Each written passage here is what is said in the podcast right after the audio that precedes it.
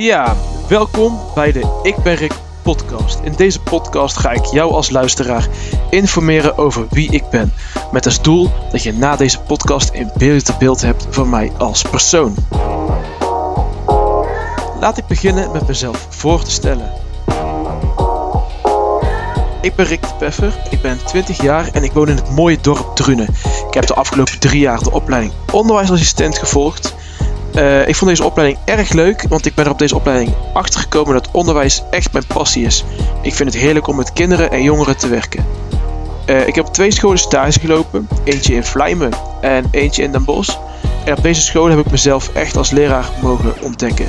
Ik heb van mijn stagebegeleiders enorm veel vrijheid gekregen in het mezelf ontdekken, uh, bij mijn eerste stageschool in Vlijmen heb ik zelfs hele dagdelen in mijn eentje mogen staan. Wat eigenlijk uh, niet de bedoeling is als onderwijsassistent. Maar ja, ze gaven me de verantwoordelijkheid. Dus deze heb ik ook met beide handen aangenomen. De vakken die ik heb gemerkt die ik het leukst vind om te geven zijn vakken als geschiedenis, aardrijkskunde en maatschappijleer. Ik vind deze vakken zo leuk omdat ik met de kinderen over de onderwerpen in gesprek kan gaan. Je kan met de kinderen bij deze vakken meer met praten dan dat je tegen praat. Uh, ik, kinderen hebben op jonge leeftijd al een eigen mening klaar. Uh, het is enorm interessant om ze deze mening te laten vertellen en hierover in gesprek te gaan. Tijdens het ontdekken van mezelf als leerkracht ben ik achter mijn talenten gekomen, maar ook zeker achter mijn valkuilen. En uh, deze ga ik in het volgende kopje bespreken. Laten we beginnen met de goede kwaliteiten. Ik kan mezelf goed aanpassen aan de doelgroep. Of ik nu aan een bovenbouwgroep of aan een onderbouwgroep lesgeef, maakt mij niet zoveel uit. Ik pas mezelf snel aan in de vorm van taal en gedrag. Bij mijn eerste stageschool heb ik op een uh, groep 6, 7, 8 klas lesgegeven. Je merkt hierbij dat je best wel wat moeilijkere woorden mag gebruiken, zodat kinderen wat meer moeten nadenken over wat je precies zegt. En nu eh, heb ik het afgelopen jaar in groep 3 les gegeven en dan merk je toch wel dat je taalgebruik anders mag. Al heb ik wel ook uh, in groep 3 ook een aantal jongens gehad die hoogbegaafd waren. En ik merk bij mezelf dat ik vrij snel uh, door heb wanneer de kinderen toe zijn aan een wat hoger taalgebruik. Dus ik ga ze wat, automatisch wat meer uitdagen in de vorm van taal.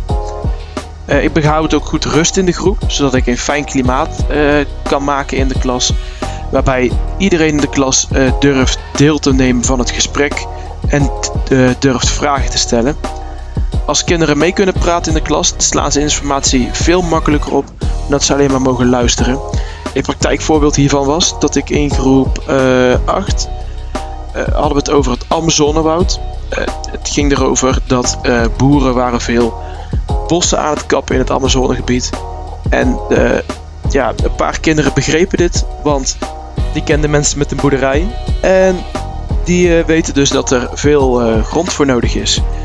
En in het Amazonegebied kappen ze dus bossen om om meer grond te werven voor de boeren.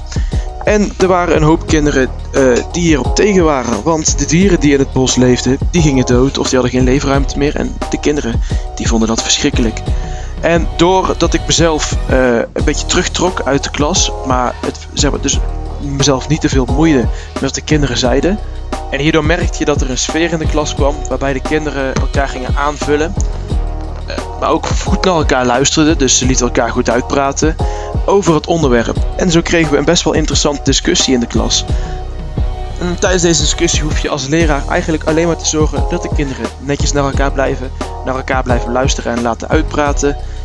En meer hoef je dan eigenlijk niet te doen. En zo wordt het een hele interessante les.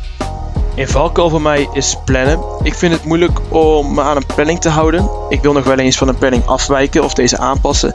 Met als gevolg dat ik het overzicht verlies. Hierdoor zou ik dingen kunnen uh, uitstellen of misschien niet eens meer aan bod laten komen. Ik ben hier aan gaan werken al, uh, door middel door een logboekje bij te houden. Heb ik de taak gedaan die ik moet doen, dan streep ik deze af en noteer ik hoe ik deze gedaan heb en wat ik ervan vond. Zo, zo reflecteer ik constant op mijn eigen werkwijze. Oké, ik hoop dat ik jou als luisteraar een beetje een beeld heb kunnen geven van wie ik ben. En ik wil het graag ook even hebben over uh, de opleiding waar ik voor sta om te gaan volgen. Na het volgen van onderwijsassistent ben ik er zeker van dat, de dat mijn toekomst ligt in het onderwijs. Mijn passie ligt in het werken met kinderen en jongeren. Ik wil Learning College gaan volgen omdat ik geïnteresseerd ben in alles wat met leren te maken heeft.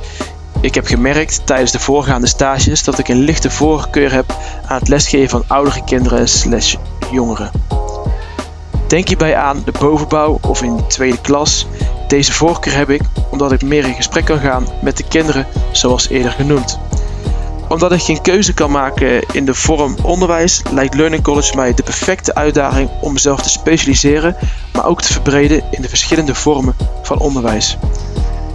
Ik verheug me vooral op, mijn, op de samenwerking met mijn andere studenten. Uh, het liefste werk ik in teamverband. Overleggen en andere studenten helpen geeft mij echt voldoening. Uh, medestudenten kunnen van mij een helpende hand verwachten. Ook bied ik met mijn ervaring een goede aanvulling voor het team.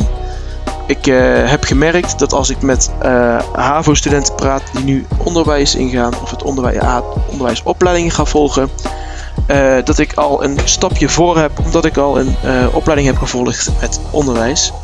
En zo wil ik graag die kennis die ik al heb doorgeven aan anderen. Uh, ik verwacht van de opleiding en de coaches dat ze mij begeleiden in mijn groei als onderwijsprofessional. Dat ik altijd terecht kan met vragen en extra hulp, maar ook uitdagingen waar deze nodig is.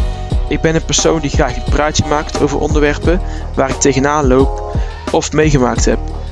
Ik uh, hoop dat coaches hier een luisterend oor voor kunnen zijn en misschien zelfs willen meedenken met mij. Je hebt nu kunnen horen wie ik ben en waarom ik voor de opleiding Learning College of een andere opleiding in het onderwijs zou kiezen. Dan zijn we nu aangekomen bij het laatste blok. Deze gaat over mijn toekomst. Over hoe en waar ik mezelf zou willen zien werken later. Ik zie mezelf over vier jaar in studie afronden waarna ik aan de slag kan in het onderwijs. Ik wil een allround inzetbare kracht worden uh, die in is voor een uitdaging. De doelgroep die mij het meeste aanspreekt zijn de kinderen van groep 6, 7, 8 uh, of die zitten of beginnen aan een middelbare school. Ik kan niet kiezen waar ik liever zou willen werken. Het primair en het voortgezet onderwijs hebben allebei zo hun plus- en minpunten. In het meest ideale geval kan ik op beide soorten onderwijs halve tijd werken. Of misschien wel nog interessanter, een tienerschool waarbij je standaard te maken hebt met deze doelgroep. En dan zijn we nu aangekomen bij het einde van deze podcast. Ik hoop dat ik jou heb kunnen informeren over wie ik ben en dat je een beter beeld van mij hebt als persoon. Bedankt voor het luisteren en misschien wel tot een volgende keer.